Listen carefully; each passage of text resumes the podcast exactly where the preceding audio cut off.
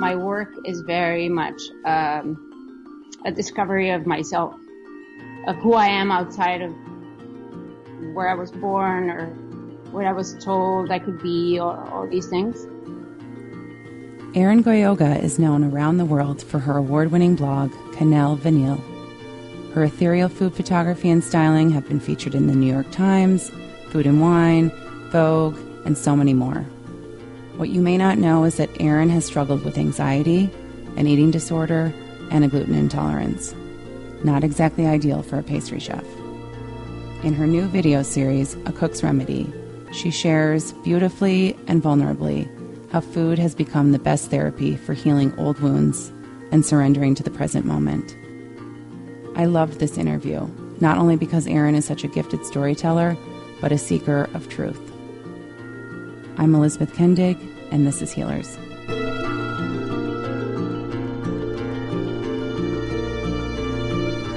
Great. Are you in your like? Are you in some beautiful studio?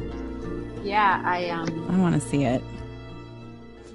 Oh no, the props, the props. Yeah. Oh, kills me. Have you done a podcast before? I have done a couple of podcasts. I've done, I actually have like a little video series, um, with five episodes. I know your video series. Oh, okay. Yeah. Yeah. Tell us about, this is your Cook's Remedy series. This is Cook's Remedy series. Um, it started out, are you recording this by the way? Oh, yes. Oh, wow. Have you said anything you regret? no, no, no. Uh, we don't like to miss anything, so it's a little tricky, but I'm not going to apologize.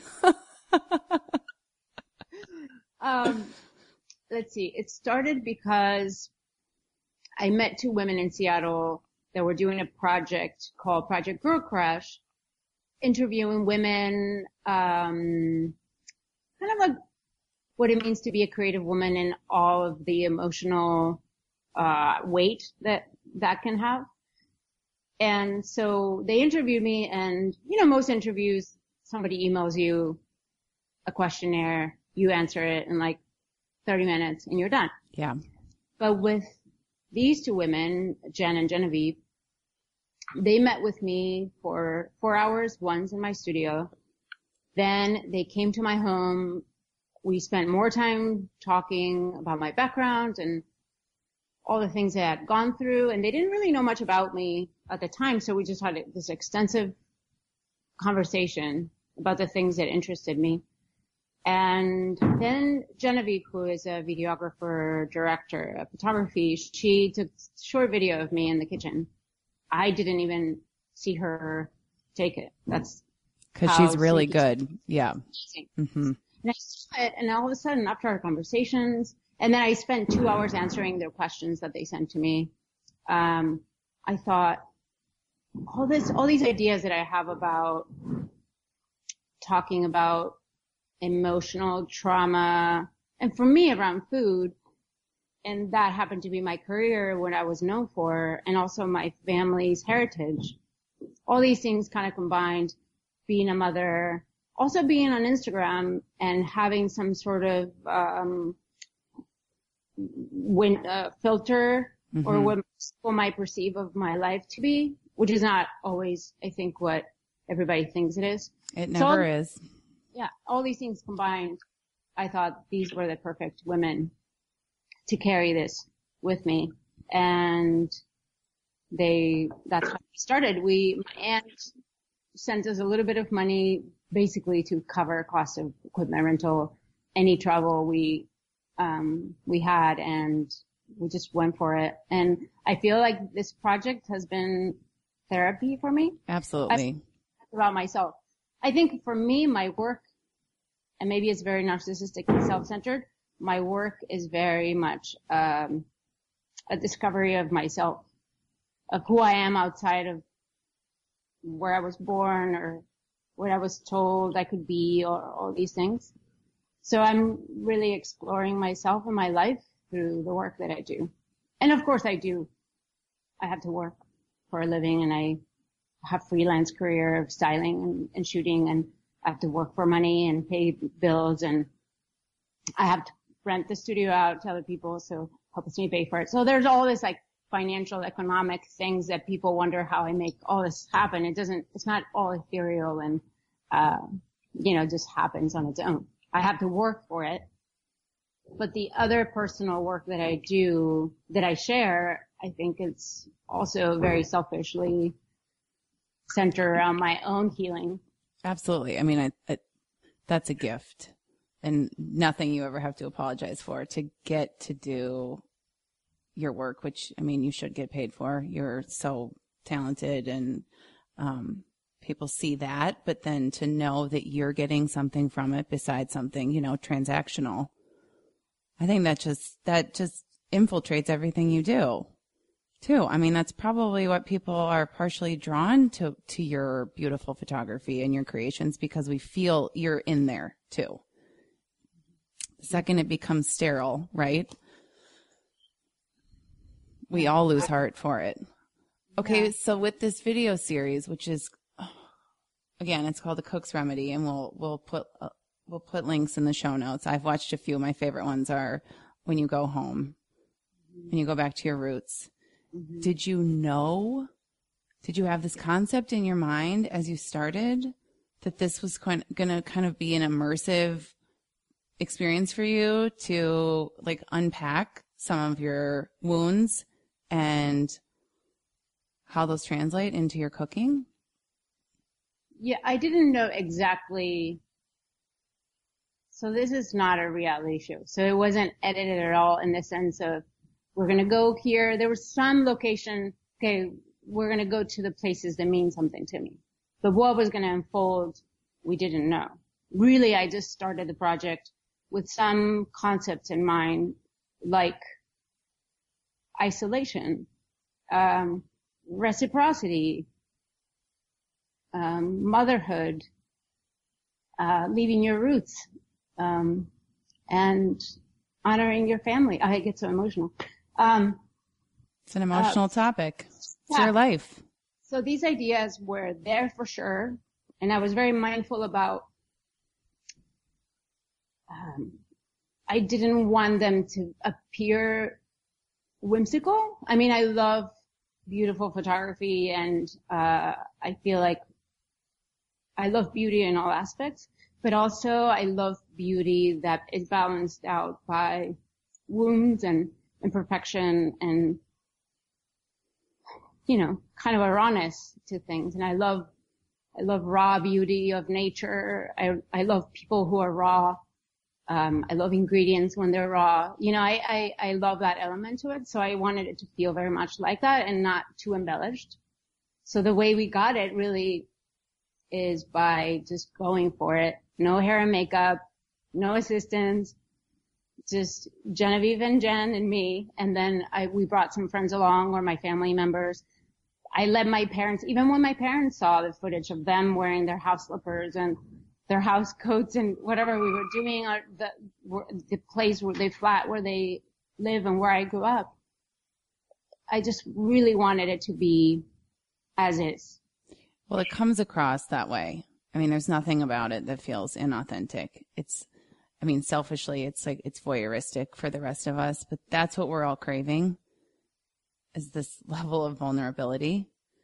Mm-hmm. Um, I was kind of most touched and, and blown away by seeing your father and kind of understanding that he didn't feel he could, and you correct me if I'm not getting this right, that he didn't feel like he could be an artist as a profession. That would not be accepted or the responsible thing to do and to kind of include him in your processing and that sort of generational aspect, which I think a lot of us are familiar with and our own, and my parents, I'm sure would be familiar with too, was, I don't know. I haven't seen anything like that, but it was still so warm and loving. It was not harsh. And I, I hate that we're talking about something that not everyone can see, but that you will all watch it as soon as you get off of this podcast. Um, how was that for him? to see himself and to, and through your eyes too? I don't know. He's never really, he smiled when I showed it to him and he got a little emotional. But even, you know, my father is a very, very sensitive person and we all know it, but he just doesn't, he might make mention to, you know, I can't go back to my childhood home because there's a lot of memories, but he'll never really ex- expand on the idea or, or talk about it or, oh, I regret that I didn't do something. He, all he ever says to me is how much he loves me and, um, um, how content he is with his life. Yeah. I mean, what more can you want for him, right? Or for your relationship? I mean, he's almost 80 years old and he still paints eight hours a day. And so he, in his way, maybe, you know, it didn't become a, a career or, uh, he didn't earn money. I think he's only, I think he's maybe only sold two, three paintings in his life. He's just giving them to people. But, um, he's, he's okay with that because it is, he's very much about this project that whatever it is in his head, but he's very invested in it. He's still a very curious man and, mm-hmm. and I love, I mean, to me that's so inspiring.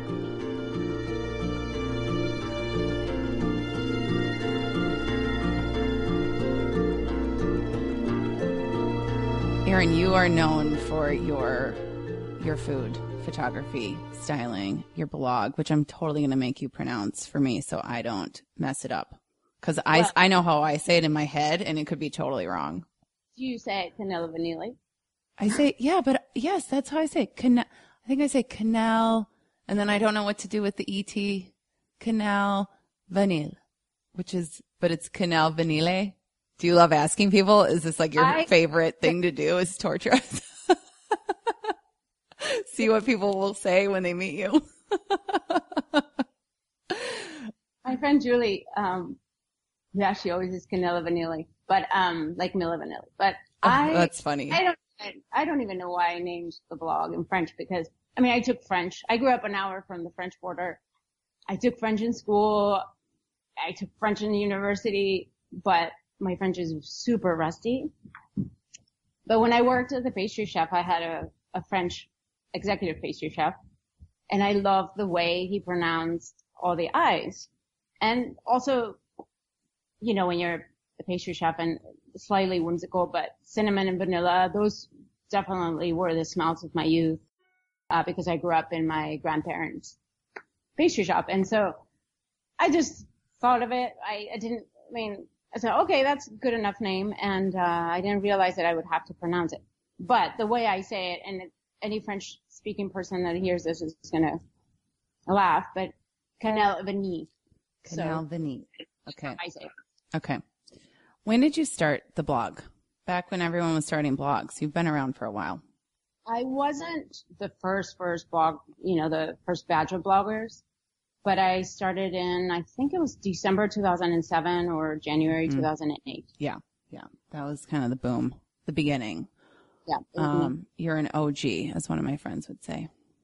You're an, mm-hmm. you're an original gangster of, of the food blogging world. Yeah. Uh, but what a lot of people don't know, unless they know you or they've been following, um, this video series or your book, which I want to talk about, is that you had an eating disorder in your 20s and developed a gluten intolerance later in life, yet are a pastry chef by training. So all of this is just, you know. I feel like I was thinking about this before because I kind of had to, not that I had to have a pitch for you, but I was thinking, okay. It was a good is, pitch, Aran. It was a good pitch. Sold. What is like in a, in a nutshell, I think the essence of my of my journey so far with food. And I feel like a lot of it has been about connection and disconnection. So I grew up with a family that was in food by love and by by financial means and livelihood. So I was connected to um, the sourcing of the food they they bought for the store. I was connect I was connected to the customers that came in. I was connected to the dinner parties we had. Um, I was connected to the community. My grandmother would, uh, would go on the street with her apron on and just people would pass by like, in, how are you? And like just talk to her. She knew everybody and so I was very connected to those roots.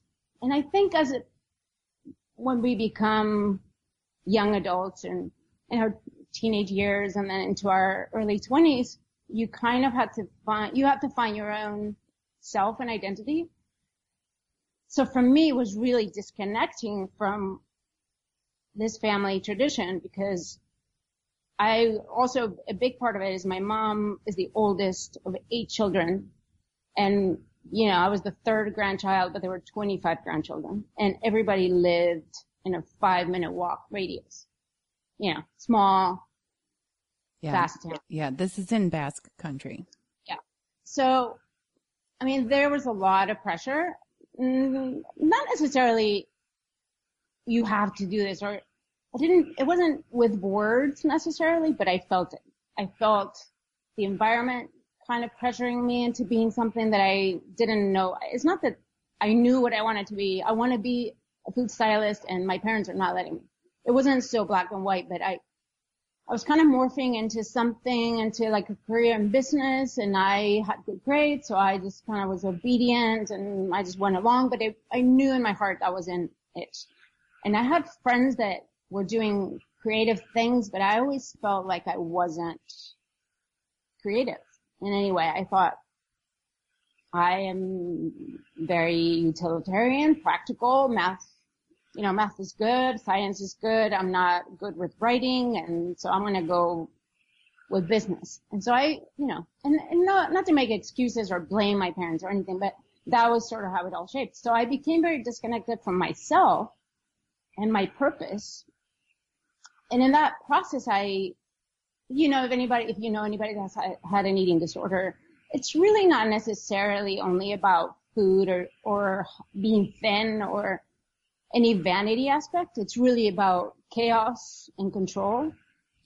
And I just let myself get in this trap, which I feel like it's like a loop. Your brain goes into this addictive loop. Um, it's like flight or fight. How do you say that? Flight or fight? Yep. Fight or flight. Yeah. Yeah.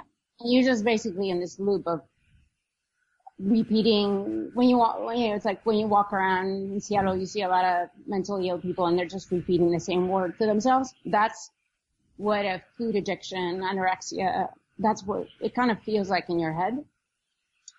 And so I went to that kind of total isolation, disconnection. I left the Basque Country, moved to the U.S. Um, my now husband, my boyfriend at the time was American, so I came to be with him.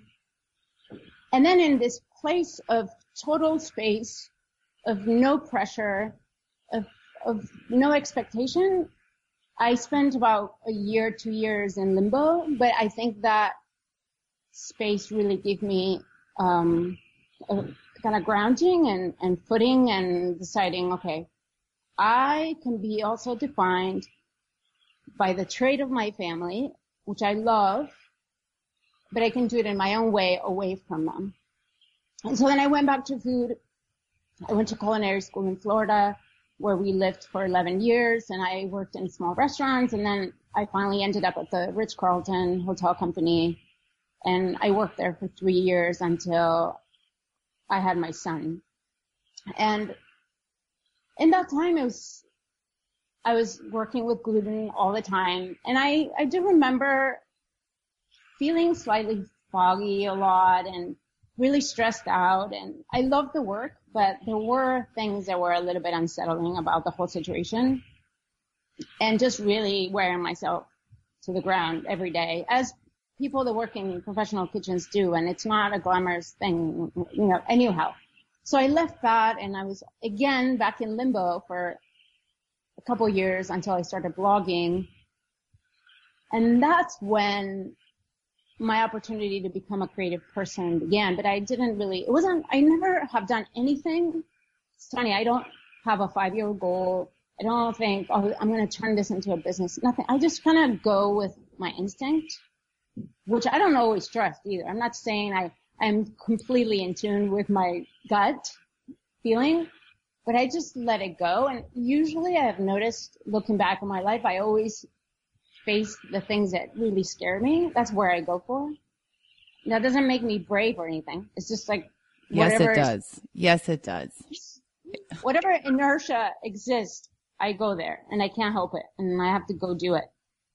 And so then I, the blog really opened up a whole world of photography and styling, um, a new way of being your own boss and doing your own schedule and, and, and that became really important to me because I've, I've realized that I am pretty like a loner and I had doubts about it, but I embrace it.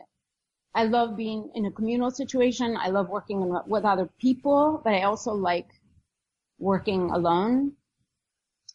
And then was the other part. So I felt connected again to myself for purpose, but then I got very sick when my second, I got a daughter and I had, I developed Meniere's disease, which is an autoimmune condition. And that made me have to listen to my body. So that was the second piece of connection. Not only um, am I in this flow what my life purpose is and listening to signals around me and, and opening up, but also, you know, taking care of this body.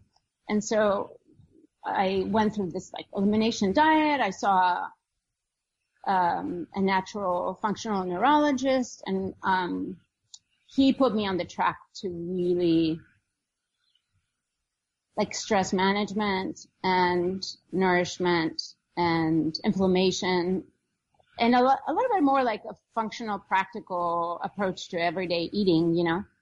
And uh, so then i was able to really incorporate everything that i knew as a pastry chef that i had received from my family into something that is uh, healing for me and you know other people that might need help with the way they eat or being connected to their food and and that kind of idea so many nuggets in there okay so much good i love it this is my favorite kind of show um when you do all the work um did you have any kind of i don't know spiritual or identity crisis when the gluten needed to go?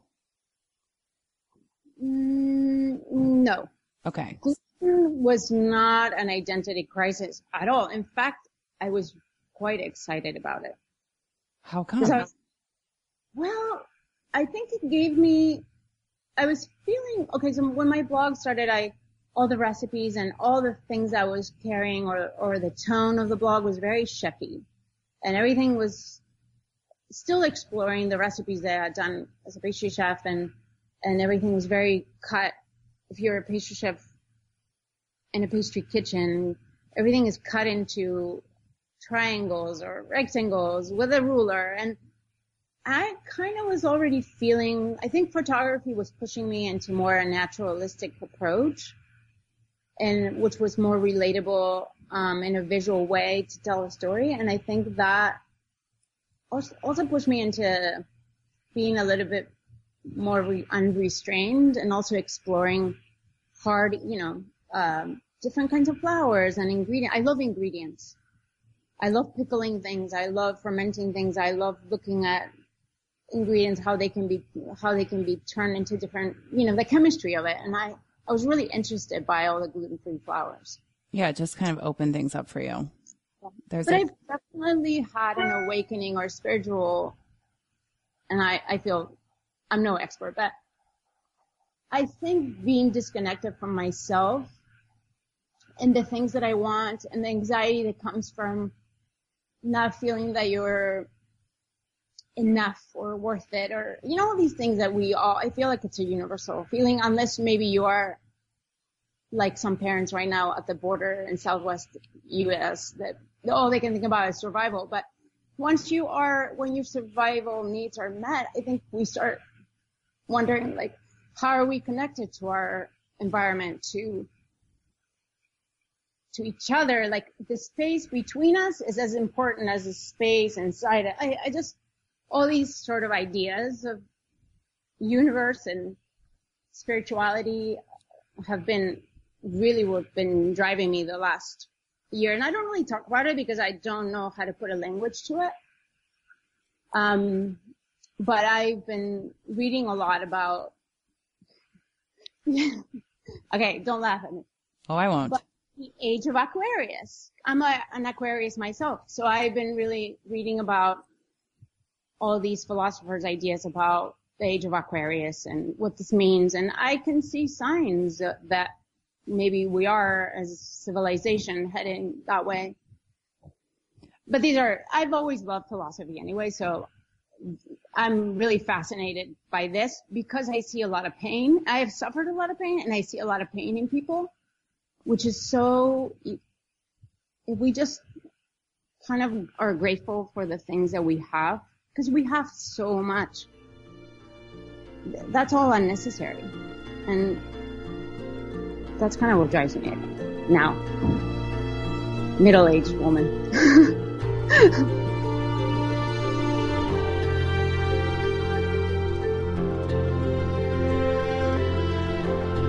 I need to do more reading about Age of Aquarius because this actually came up recently with another healer friend of mine who's very focused on how her work and all of our work as individuals is going to you know, uplift and change the world. And she, she totally agrees that this is the place we're in. And, and I don't know all the tenets of it, but my understanding is that, you know, that connection piece that you're talking about and how we work and live, um, with something greater in mind. Like we can't keep going how we've been going as a society. But what are you, what is, what are you sort of picking up on? What are you drawn to? As far as the age of Aquarius? Yes. I don't really know. I mean, I, I'm going to get in trouble because I don't really know enough. I'm not a scholar on it.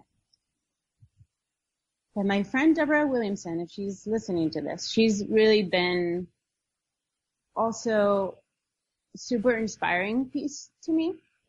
We met in Peru in a workshop uh, by Gentle and Hires, and um, we've been talking a lot about this. And according to her and what I've been reading, there are there's going to be a piece of awakening in a spiritual sense, but also a loss. And a lot of people are going to be still in dreamland and, and sort of a sleep mode. And again, this is going to sound very pretentious. I'm going to say it, but don't. This is a safe place. just take as like random thoughts coming out of my mind with and super, you know. Um, I live in Seattle and I walk around and the mental illness is rampant. And I think that comes from a lot of emotional trauma. Sure, addiction, all these things play a role, but people don't live in this space of repetition, addiction, mental illness if there isn't some sort of emotional disconnection from themselves, their families, and their surrounding. And I see that, and then I see capitalism in a in, in a sense of economic structure for humanity that can do a lot of good and and and freedom you know, is a great thing. And I am all about free will, but it's also letting some people down and separating. There's such separation between our lives. You can, it's almost like we're all living in virtual real, different virtual realities and we're not connected. And again, what I'm saying is just my observation and what I'm kind of feeling and can't really put a language to it. But all these things I've been reading about the age of Aquarius makes sense to me and and I think it began to really really show up in the 60s which if you think all the upheaval that has been happening and since then it kind of makes sense. There's something breaking and something that needs to be reconstructed. And I think it's positive. I think the way we think about it instead of just like this is the end of humanity I think this is a time to really decide who you want to be. And that begins with your own self, right? Like who you want to be as a person. What are your priorities and your values? And not just like saying them, but actually thinking about what that means and the practice and the functionality of it, how we carry this through. Yeah, it's living it. Yeah. Everything you're saying makes sense to me. I and it there's definitely something is coming, something's been brewing and a lot of people I talk to, I mean, you're going through it yourself and you're embracing it. Um just in how you're working and the things that you're open to and opening yourself up for everyone else. Um I hear again and again there's there's almost there's almost a reckoning at play. It's not Armageddon. You know, the world isn't going to end. It's, it's a good thing, but you're going to feel it if you don't, if you don't come along for the ride. If you're not open and you're not ready for this sort of change and you've been resisting, resisting the connection, resisting the vulnerability, resisting like facing who you really are. Any, you know, and there's lots of levels of that, but it's going to be tough for those individuals. And um, but it needs to happen. So I think it's been sort of like almost, I don't know, maybe the last couple of years where people have been in the muck and feeling that shift. Um, so keep talking about it. Don't be afraid to yeah. talk about it because these are the conversations that people who never thought they would be having are having. I never thought I would be, I would be having this. I thought, so I grew up this is another topic too, but I, I grew up Catholic just because everybody that grows up in the Basque country, or at least maybe, you know, 44 years ago when I was born, grew up Catholic, not by choice. So I had some sort of supposedly spiritual, uh, teaching, but it never really was. Or I didn't live it because maybe I was unconscious of it and I was a young kid. And then I went through this process of no, we're just, we, we're born we die and that's it. And I don't give a fuck. Like that, sorry, excuse me, but that was like my mentality. And I didn't mind dying for a long, I was like, well, whatever. This is for nothing. And I think also being a parent, not necessarily that has to be the only way. I think taking care of somebody outside of yourself and feeling kind of a breakdown, emotional breakdown was the moment of, yeah, there's gotta be something else, some purpose to all of this that I maybe didn't know. And maybe it's because I'm middle aged and that's just the cycle of life and that's where we all go. A lot of. That was on my end. and it's really funny. Um, maybe we'll cut it, but, um, we have one of those we have one of those like abundance cats, you know, those Japanese cats that are waving. And somehow it literally just jumped off the bookshelf. I'm going to take it as a really good sign. yeah. But I, was, sorry for that. It's a fun tidbit. No, I the, love it. Um, the universe I, is with us. And if, yeah, I listen, I, okay, I'm going to tell you a story. The other day I was driving and I was kind of running late for an appointment and I was driving this horrible Seattle traffic and it was rush hour and I was stopped at an intersection and this car behind me kept honking at me and I just lost my mind.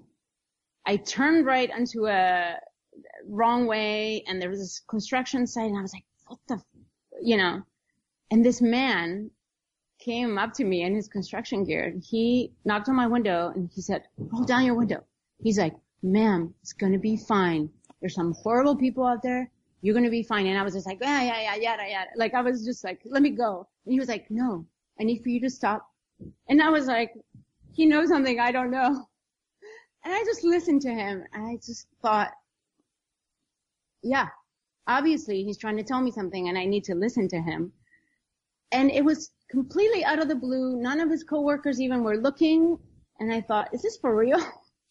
And I know it's for real. I'm not making this up, but just there are subtleties that I think that are all out there for us, and we just kind of have to listen. And I am just in the very, very, very beginning stages of noticing these things. I've always been very uh, blinders and around me, and just not caring anything but what I want to think about that moment. So I'm trying to open myself up a little bit more. Well, this is my favorite topic. I know you listen to the show, so this is my favorite topic. The signs are everywhere.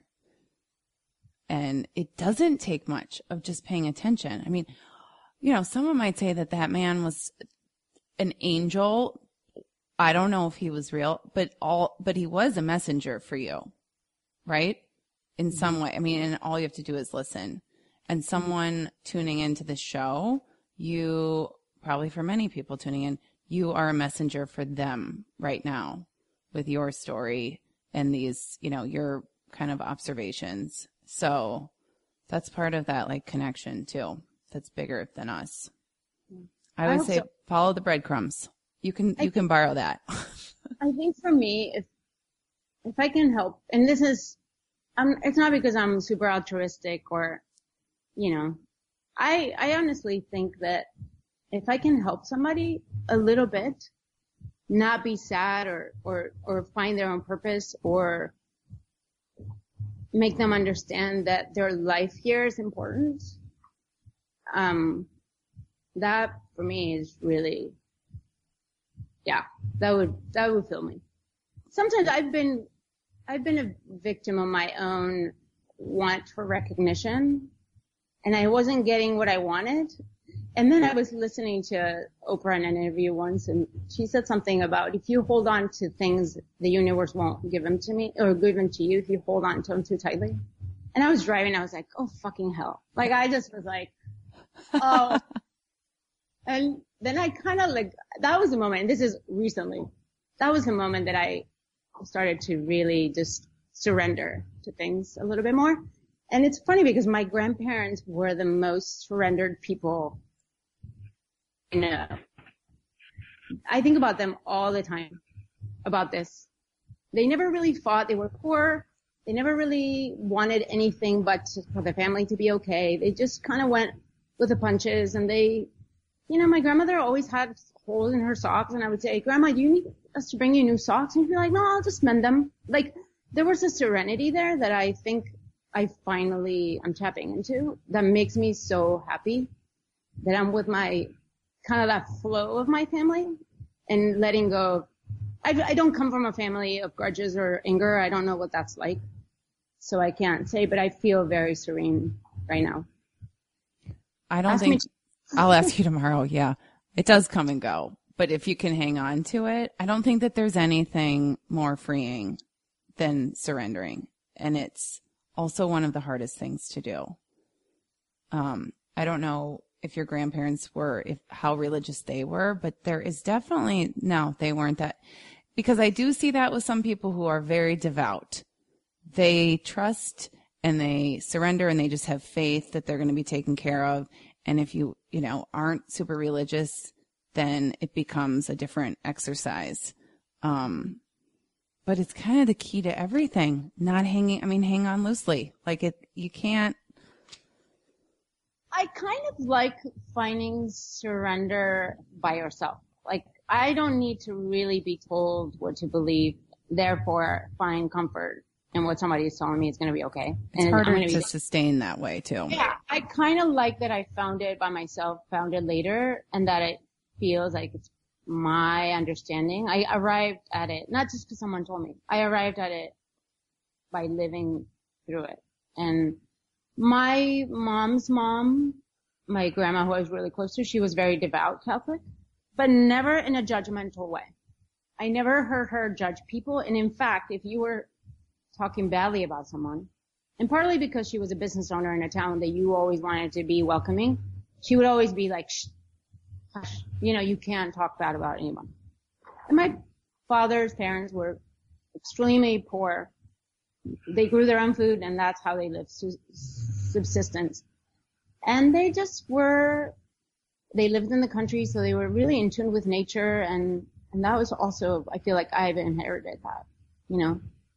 I love seasons and I love trees and I love rain and I love sun and I love all of it. And I know I'm a romantic over the idea of seasons, but I really, really, I just get so excited so with flowers. You have to leave Seattle then sometimes, don't you, to get those seasons? No, we actually have. Yeah, I mean it rains and it's gray, but we have beautiful spring and we have beautiful summer, and if we're lucky, we'll have beautiful fall. The fall is a little tricky, but um, I just yeah, I am a romantic, and I I'm fine with it.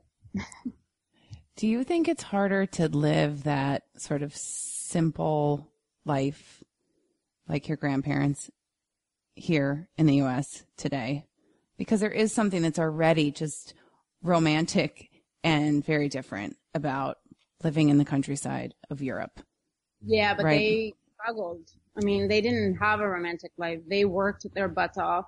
My grandmother was bent halfway over from working in the, you know, in the ground and having to bend. It was not romantic. They didn't choose farming as a, oh, I'm going to go live in the country in upstate New York, that, eh, which I would love to do, but that's not how they were. They were forced into that for survival means that, and I feel like they give me an opportunity to really think about what they did and the time they didn't have to get to that understanding of choice. You know, and I, I, it's what you were saying. I kind of carry a lot of the things that they gave to me and I'm trying to make sense of them and give them what they didn't have in some ways. I don't know. Yeah, well, I'm sure I know you're honoring them. I mean, it was romantic in some no, way. You're right. Romantic's the wrong word. Where they they sounded like they were content, though. That they, they were, were at content, peace. You know, choice. And they didn't have a voice. You know, they were poor. They didn't have a lot of academic education. My father was the first person ever in his family to go to university, and they, my grandparents, they worked really hard for that. So they didn't take any of that for granted. They appreciated everything, but they also didn't have any expectations because they grew up with nothing. And I think nowadays we have a lot of expectations and a lot of choice is also a lot of responsibility. And that is very pressuring. But if you can get through it and realize what is important and what is not, then I think we'll all be okay. And I think it's okay. I think it's part of like whatever consciousness becomes through us and living that experience of I don't know what I don't know. I also been reading about consciousness, whether it comes from our minds, which I don't think it does, or we just live in it and we are a form of it. Um, I think it is just an experience we're living and, and it's to be lived at different times and we all have different experiences that need to happen. And I just think what they lived was necessary for me to live what I have now. And I'm part of them and, and my kids will be part of what I have not conquered and, and hopefully good things and bad things also, but that's just the way it is. What's next for you? What else are you um, thinking about, philosophizing about? what? Sorry beyond conscious, like understanding what consciousness means. And I love to, I would love to understand consciousness from a philosophical perspective, but also a science perspective.